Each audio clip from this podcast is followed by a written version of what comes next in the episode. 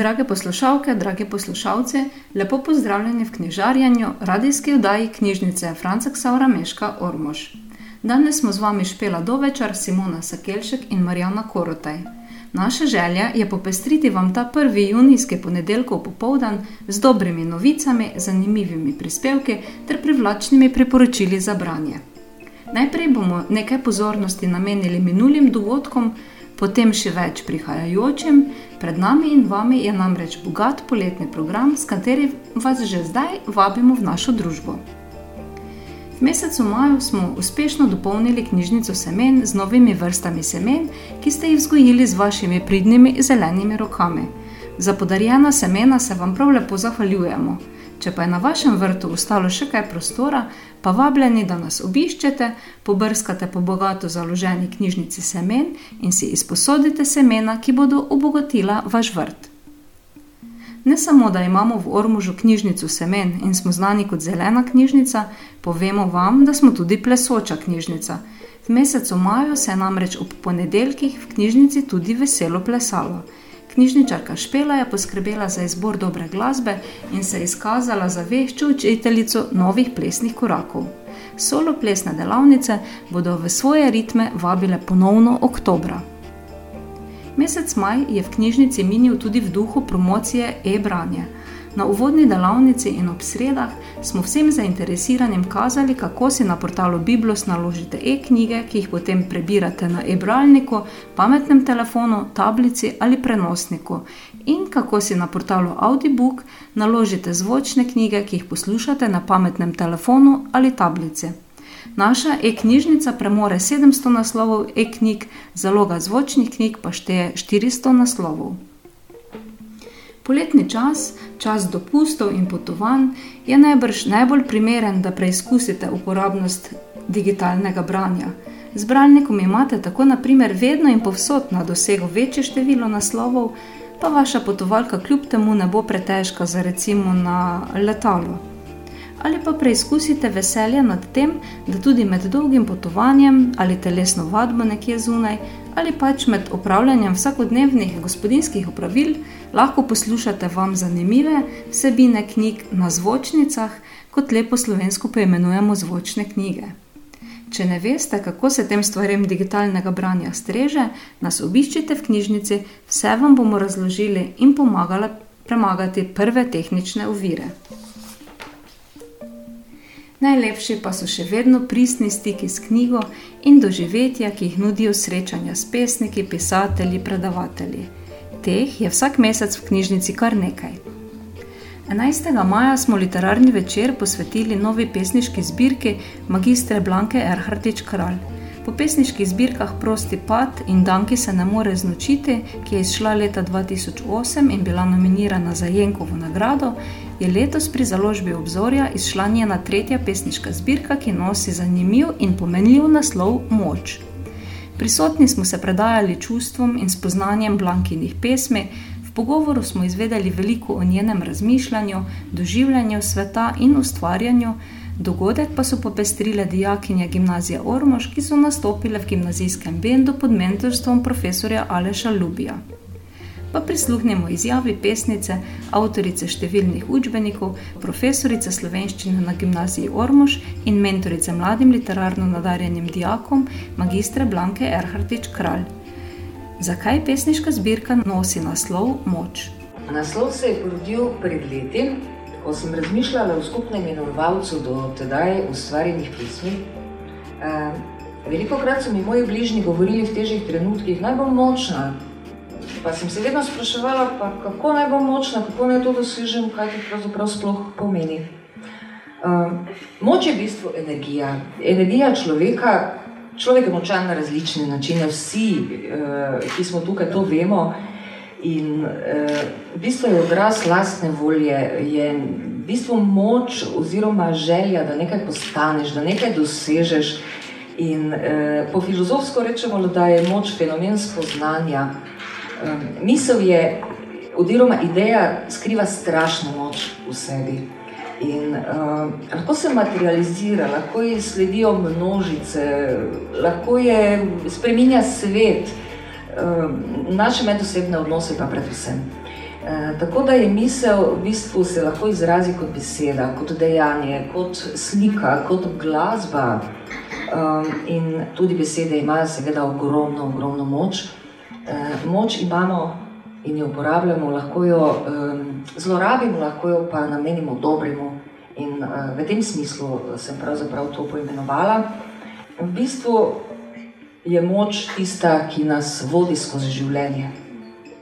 V četrtek 25. maja pa smo na knjižnični terasi gostili Mariborčanko Danico Ozvaldič, najmlajšo hči Franca Pinteriča, krojača iz Pavlovcev pri Ormužu. Danica je napisala biografski roman o svojem očetu, njegovem otroštvu in odraščanju v mlinarjevi družini v Pavlovcih. Usodna bolezen mu je vzela sluh, zaradi česar je moral postati krojač, domači mlin pa je prevzel starejši brat Ciril a usodna bolezen ga je tudi rešila pred grozodejstvi druge svetovne vojne. V romanu Krojenje tišine avtorica na subtilen način opiše čas 30 let prejšnjega stoletja na Ormoškem in življenje mladega Franca, ki se doma in po svetu izpopolnjuje za krojača ter išče svojo življenjsko ljubezen. Prisluhnimo, kaj je povedala Danica Ozvaldič o očetu in zakaj se je odločila zapisati biografijo kaj me je k temu nagnilo? Mislim, da vsak, ki je poznal mojega očeta, ve, da je bil en poseben človek. Namreč eh, ravno ta njegova bolezen, jaz mislim, da je bilo tako, ne? da je ravno to, da je on bil prikrajšan za sluh. V, v tako zgodnem otroštvu, seveda danes, uh, ko poslušamo dnevno reklame za ta in drugačni slušni aparat, je ta zgodba bistveno drugačna, veliko lažje je tudi ljudem, ki ne slišijo. Takrat pač tega ni bilo in dejansko je on rasel znotraj. On je zaradi tega je verjetno eno, eno posebno globino imel in en poseben odnos do vsega. On nikoli ni rekel o nikomer žal, neke žal besede ali da bi kogarkoli obsojal tudi eh, za ljudi, ki so drugače razmišljali, so imeli drugačno neko izkustvo. Nikoli ni rekel, da je karkoli narobe. Vedno je skušal zadeve razumeti. To, tega sem se jaz učila ob njem, niti slučajno mi tako ne uspeva, močno kot je to njemu uspevalo, ampak dosti krat pomislim, kaj bi pa moj atek zdaj rekel, kaj bi pa on rekel na to. In zato se mi je zdelo, da je to zgodba, ki lahko mogoče tudi komu pomaga do drugačnega razmišljanja o svetu in o ljudeh okrog sebe. Na strokovnem predavanju v četrtek 1. junija pa je na račun prišla bolj moška populacija. Prisluhnili smo domačinu, pripadniku slovenske vojske, polkovniku Ernestu Plehu, ki je svojo dolgoletno vojaško kariero posvetil služenju domovine s posebnim poudarkom na delu v Afganistanu, kjer se je udeležil več mirovnih operacij in misij mednarodnih sil. S predavanjem Afganistan, dežela nenehnih vojn, nam je omogočil pogled v dejansko stanje ter boljše razumevanje kompleksnosti in izzivov, s katerimi se soočata zgodovinsko pomembna regija. Predajmo se malo glasbi, potem pa prisluhnite, kaj vas, nas, javnija, čaka v knjižnici.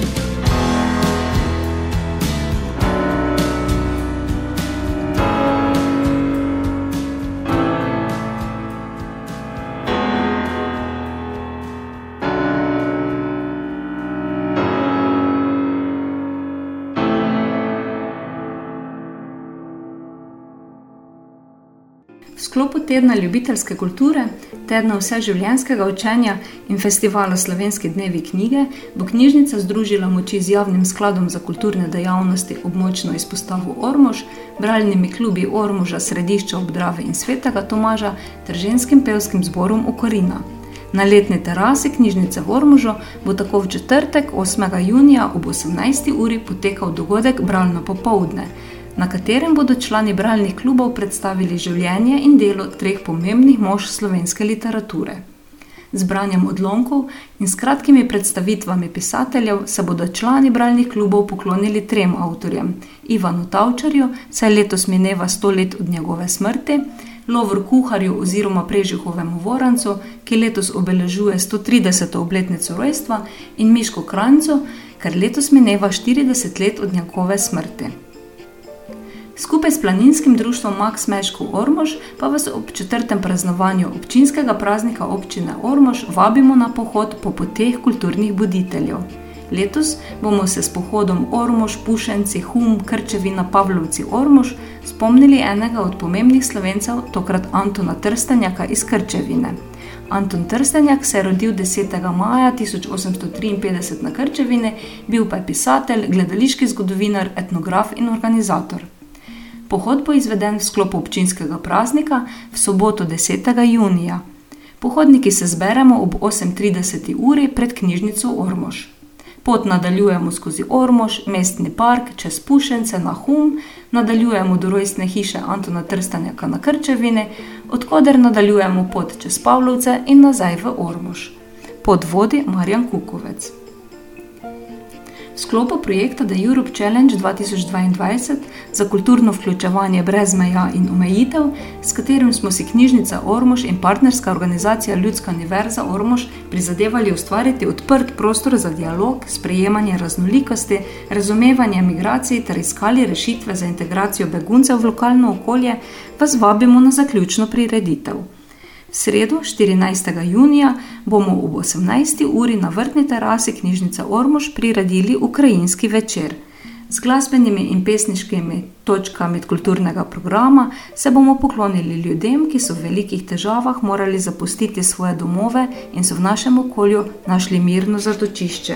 Na ogled bo postavljena razstava z izdelki, ki so nastali na izvedenih ustvarjalnih delavnicah.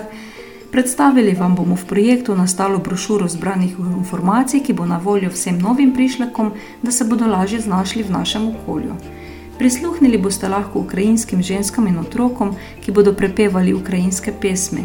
V posebno zadovoljstvo pa nam je, da vam bomo lahko predstavili v sklopu projekta izdano dvojezično pesniško zbirko pesmi Larise Bračenko Sanjam o miru, ki smo jih prepesnili v pesniško-prevajalski delavnici. Seveda ne bo manjkala niti skromna zakuska.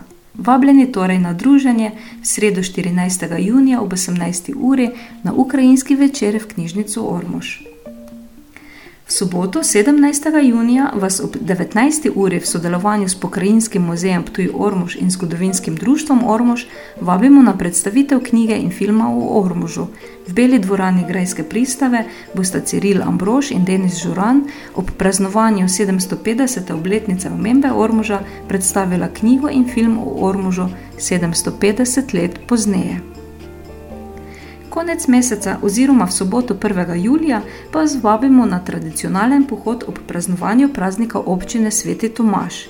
V sodelovanju z občino Sveti Tomaš in kulturnim društvom Frank Saver Meškov Sveti Tomaš vas vabimo na pohod od Meška do Cenkarja. Zbiranje je ob 9. uri pred stavbo občine Sveti Tomaš, od tam se bomo podali v Gornje Ključarovce do družine Meško, kjer bomo prisluhnili odlomku iz Meškovega literarnega dela. Pot nas bo na to vodila po stranskih in gozdnih poteh do Savcev, kjer stoji obnovljena rojstna hiša Stanka Cenkarja. Za okrepčilo na poti bo poskrbljeno, dogajanje pa se bo zaključilo med 13 in 14 uro. Pot je primerna za družine z otroki in posameznike z manj fizične kondicije. Prijave niso potrebne. Mesec juni je tudi čas zaključnih pravličnih uric, ki so v naši osrednji in v vseh treh krajevnih knjižnicah redno potekale skozi celo šolsko leto. Zaključna pravlična ura v krajevni knjižnici Ivankovci bo v torek 13. junija ob 16. uri. Krajevna knjižnica Središče obdrave vas pričakuje zanimivo zaključno pravlično uro in slastnimi palačinkami v sredo 14. junija ob 17. uri. Otroci, ki ste obiskovali pravlične urice v krajevni knjižnici Sveti Tomaš, pa se boste veselili na zaključni pravlični uri isti dan, v sredo 14. junija, tudi ob 17. uri. Zaključna pravlična ura v knjižnici Ormož pa bo v četrtek 15. junija ob 17. uri. Dragi otroci, spoštovani starši, vaše knjižničarke, tudi izvrstne pravličarke, vas z velikim veseljem pričakujejo. Vse aktualne informacije o dogodkih v knjižnici najdete vedno na spletni strani ter družbenih omrežjih knjižnice. Vabimo vas, da to poletje čim večkrat obiščete zeleni knjižnični raj in svoje dopustniške dni napolnite z dobrim branjem. Sedaj smo si zaslužili nekaj glasbenega premora, po skladbi pa k knjižnim novostem, najprej za odrasle, potem pa še k novitetam za otroke in mlade.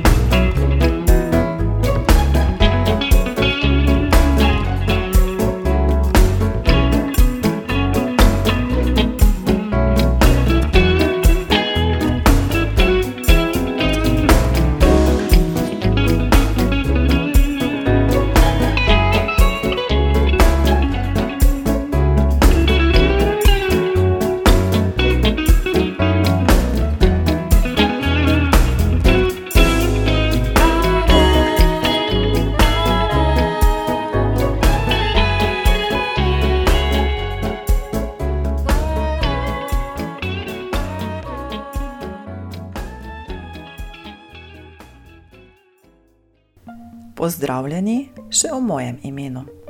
Z vami sem Simona Sekelšek, popeljala pa vas bom po knjižnih novostih za odrasle bralce. Priznani mariborski pisatelj Tone Partlič se po ljudeh z otoka vrača z zgodovinskim romanom Veter vzhoda, v katerem nadaljuje pričevanje o svojem rojstnem mestu ob Dravi. Tokrat se poda v 30. leta, napet zgodovinski čas, ki ga med drugim zaznamujajo prebujanje delavskega gibanja, smrt Rudolfa Majstra in atentata na kralja Aleksandra v Marsejlu ter kanclerja Dolfusa na Dunaju. Prisluhnimo odlomku iz začetka knjige.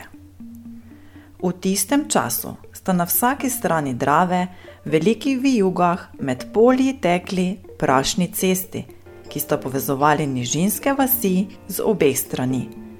Mostov ni bilo veliko, pač v Mariboru, Ptuju in Ormužu.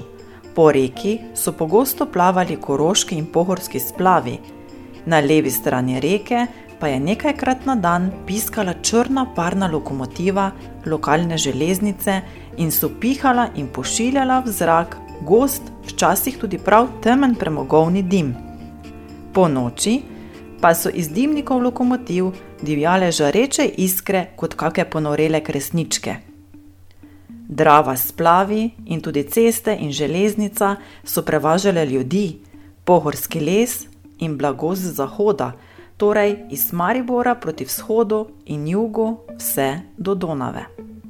Seveda pa so nekajkrat na dan z vlakom ali vozovi ljudje iz Ljutomera, ki mu domačini pravijo Lotmerk, iz Ormoža in Ptuja, torej z vzhoda in juga, potovali tudi v nasprotno smer, gor, v Maribor, ki je bil do nedavnega po nemško Marburg.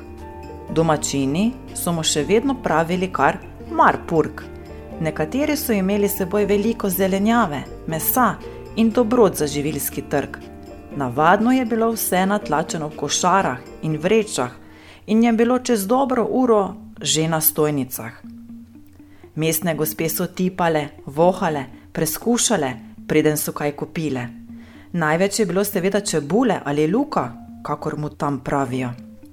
In tako je tudi ob koncu avgusta 1933, v lepem zgodnjem jutru, točno 15 let po koncu svetovne vojne, sopihal proti Mariboru potniški vlak s tremi ali štirimi vagoni drugega in tretjega razreda. Domačini so vlaku pravili Giger, čeprav nihče ni več vedel, kdo si je naziv izmislil in kaj je hotel reči s tem. Suzana Tamaro je dobro poznana po romanih za odrasle. Pojdi, kamor te vodi srce. Vsak angel je strašen, poslušaj moj glas in tako naprej. In mladino ter otroke, zavedno, papirofobija in tako naprej. Ljubezenski roman, ki je izšel leta 2019 z naslovom Velika ljubezenska zgodba, se začne, ko se na ključno srečata junaka na trajektu, ki pluje na pomorski liniji Benetke Pirej. Maturantka Edith ter deset let starejši kapitan ladje Andreja se po nekaj zmenki zapleteta v ljubezensko razmerje, do ušes zaljubljene Andreja celo prekine večletno zvezo za ročenko. Kako pa se roman razplete? boste izvedeli, če si ga izposodite. Tina Gabriela Gorenjak je igralka, vsestranska umetnica in ljubljenka slovenskega občinstva. V dolgi in bogati karieri smo jo lahko občudovali v televizijskih serijah, oddajah, filmih in gledaliških predstavah. Pri založbi Mladinska knjiga je išel njen prvenec Najti ljubezen, ki se bere kot mešanica stand-up komedije in zaupnega pogovora s prijateljico, v katerem avtorica razkriva svoje prigode v iskanju ljubezni. To je zgodba po resničnih dogodkih, v kateri se igralkina doživetja prepletajo skozi različne like. V prigodah nje in njenih prijateljev se boste zagotovo našli vsi, ki ste kdaj iskali ljubezen ali partnersko ali to samih sebe. Namreč To je knjiga o ljubezni, prijateljstvu in upanju. Uveljavljen pisatelj in publicist Marjan Žiberna nam v novem vodniku ponuja 60 predlogov za obiske v manj obiskane kotičke po vsej Sloveniji. Vodnik, daleč od ponorelega sveta, nas povabi, da se prepustimo radovednosti in spoznamo manj znane bisare Slovenije. Knjiga je razdeljena na slovenske pokrajine, zaobjema pa vse od raziskovanja manjših mest, ki so ohranila svoj značaj, do dvorcev, ki še vedno razkrivajo svojo zanimivo preteklost. Verjamemo, da boste izletniki našli to poletje kakšen kraj, ki ga še niste obiskali. Zgodovinar Marijan Pušavc in stripar Zoran Smiljanič sta skupaj ustvarila obsežen biografski strip o Karlu Destovniku Kajuhu. Strip Kajuh, pesnik Partizan, je tako pospremil 100-letnico pesnikovega rojstva, izšel pa je v letu 2023, ki ga je slovenska vlada na pobudo Ministrstva za kulturo razglasila za Kajuhovo leto. Delo je išlo v sodelovanju med knjižnico Velenje in založbo Buča. Besedilo stripa je nastalo po romanu Prestreljene sanje, v katerem je življenje pesnika, ljubimca, partizana in narodnega heroja Kajuha popisal dolgoletni direktor knjižnice Velenje Vlado Vrbič. Pesnik, ki se izraža pod številnimi psevdonimi, med njimi so Karli, Jrnej Puntar, Blaž Burje Vestnik, Kajuhov Tonč in končno Kajuh, se je rodil 13. decembra 1922 v Šoštanju, v hiši, ki danes nosi Kajuhov dom in je ena najopaznejših stavb v mestu. Umrl je v napadu nemške izvidniške patrulje 22. februarja 1944, star 21 let. Še preden pa boste prisluhnili sodelavki Špeli, ki vas bo popeljala po novosti za mladino in otroke, vam predstavim znano peterico finalistov za Kresnika 2023, ki ga bodo podelili 23. junija na Rožniku. Posthumno je žirija nominirala Lada Kralja za roman Ne bom se več drsal na Bajarju, nominirani pa so še Materinska knjižica, Katja Gorečan, Ženska s srebrnim očesom, Katarina Marinčič, Zakaj ne pišem, Diane Matkovič in na klancu Tine Vrščaj. Nagrado Kresnik podeljuje časopisna hiša Delo, zmagovalec oziroma zmagovalka pa dobi tudi denarno nagrado v višini 7000 evrov. Kaj pa vi, dragi poslušalci, drage poslušalke? Že imate svojega favorita? Knjige nas kar kličajo v svoje svetobe. zato prijazno povabljeni, da nas obiščete.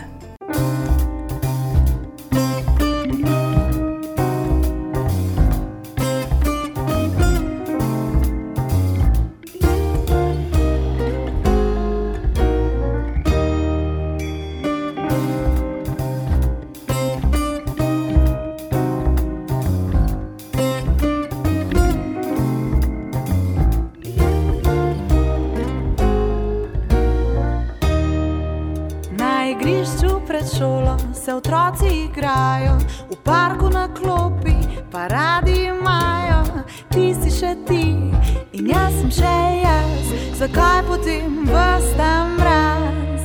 V časopisih, v obrisih so dobre novice, nekdo je rodil, drugi prodaja plenice. Svet je še svet in zrak je še zrak, zakaj potem vsta mraz?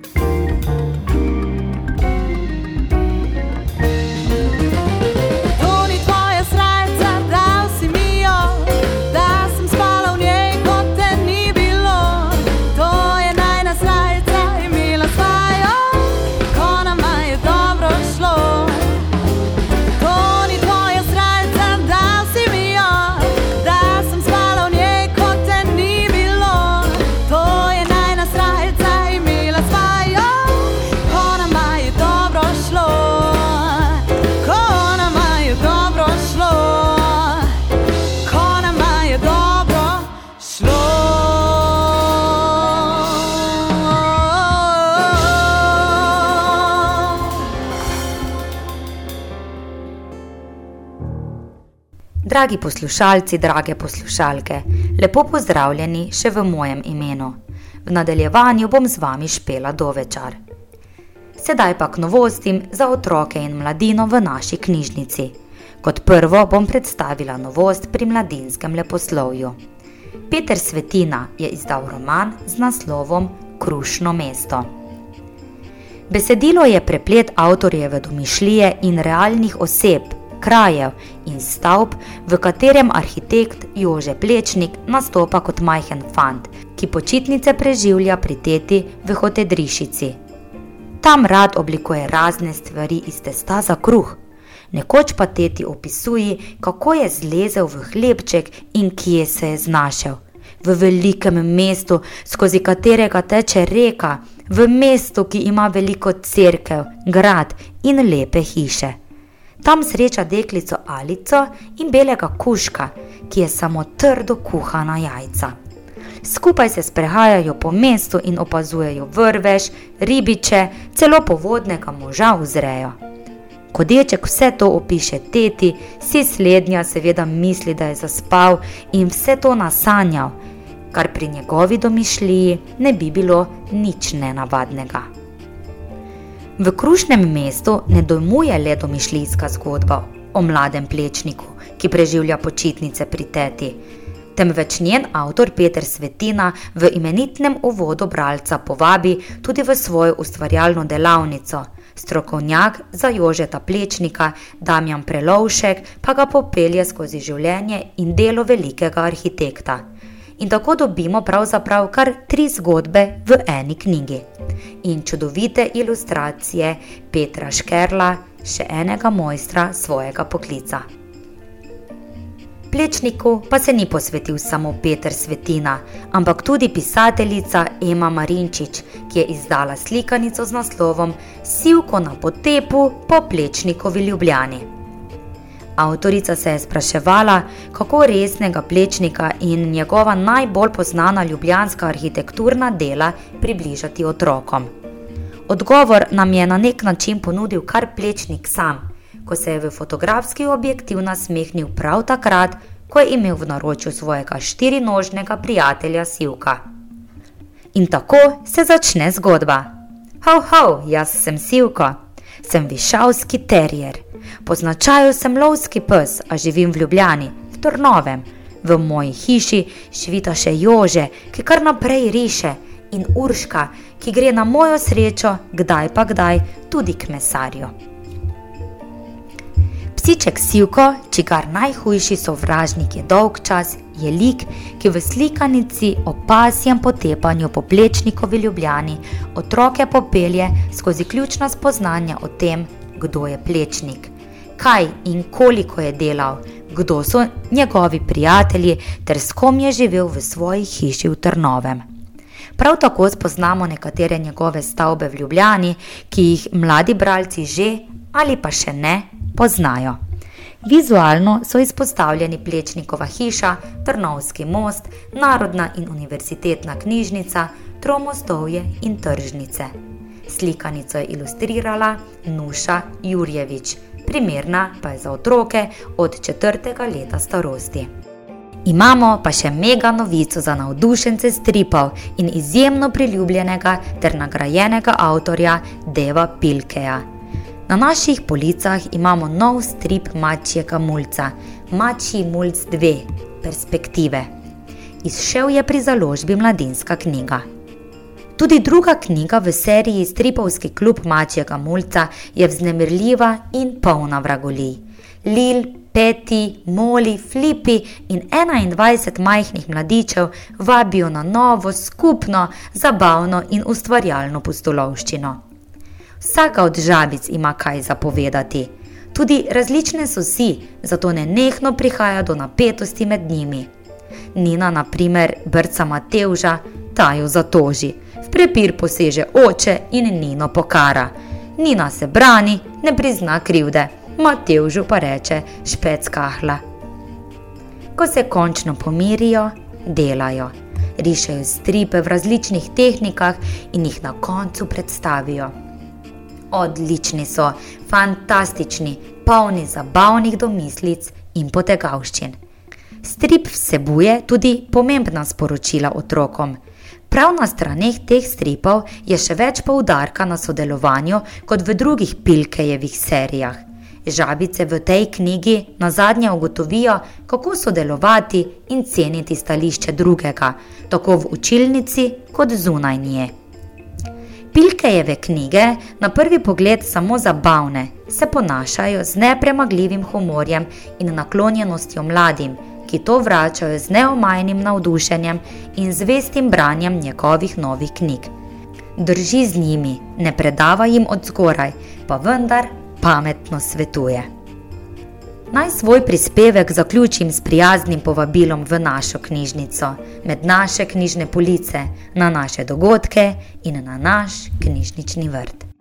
Pa smo prišli do konca junijske oddaje Knjižarjenje. Oddajo smo v sodelovanju z Radijem Prlek pripravili Špela Dovečar, Simona Sakelšek in Marijana Korotaj. Dragi poslušalci, vabimo vas, da se nam v poletnih mesecih pridružite v knjižnici na pestrih dogodkih in da se čim večkrat podate med dobro založene knjižne police, posedite v čitalnici na prostem, kjer lahko v objemu zelenja na knjižnični terasi preberete kakšen časopis, revijo in se predate spokojnosti branja. Se slišimo spet prihodnji mesec. Nasvidenje.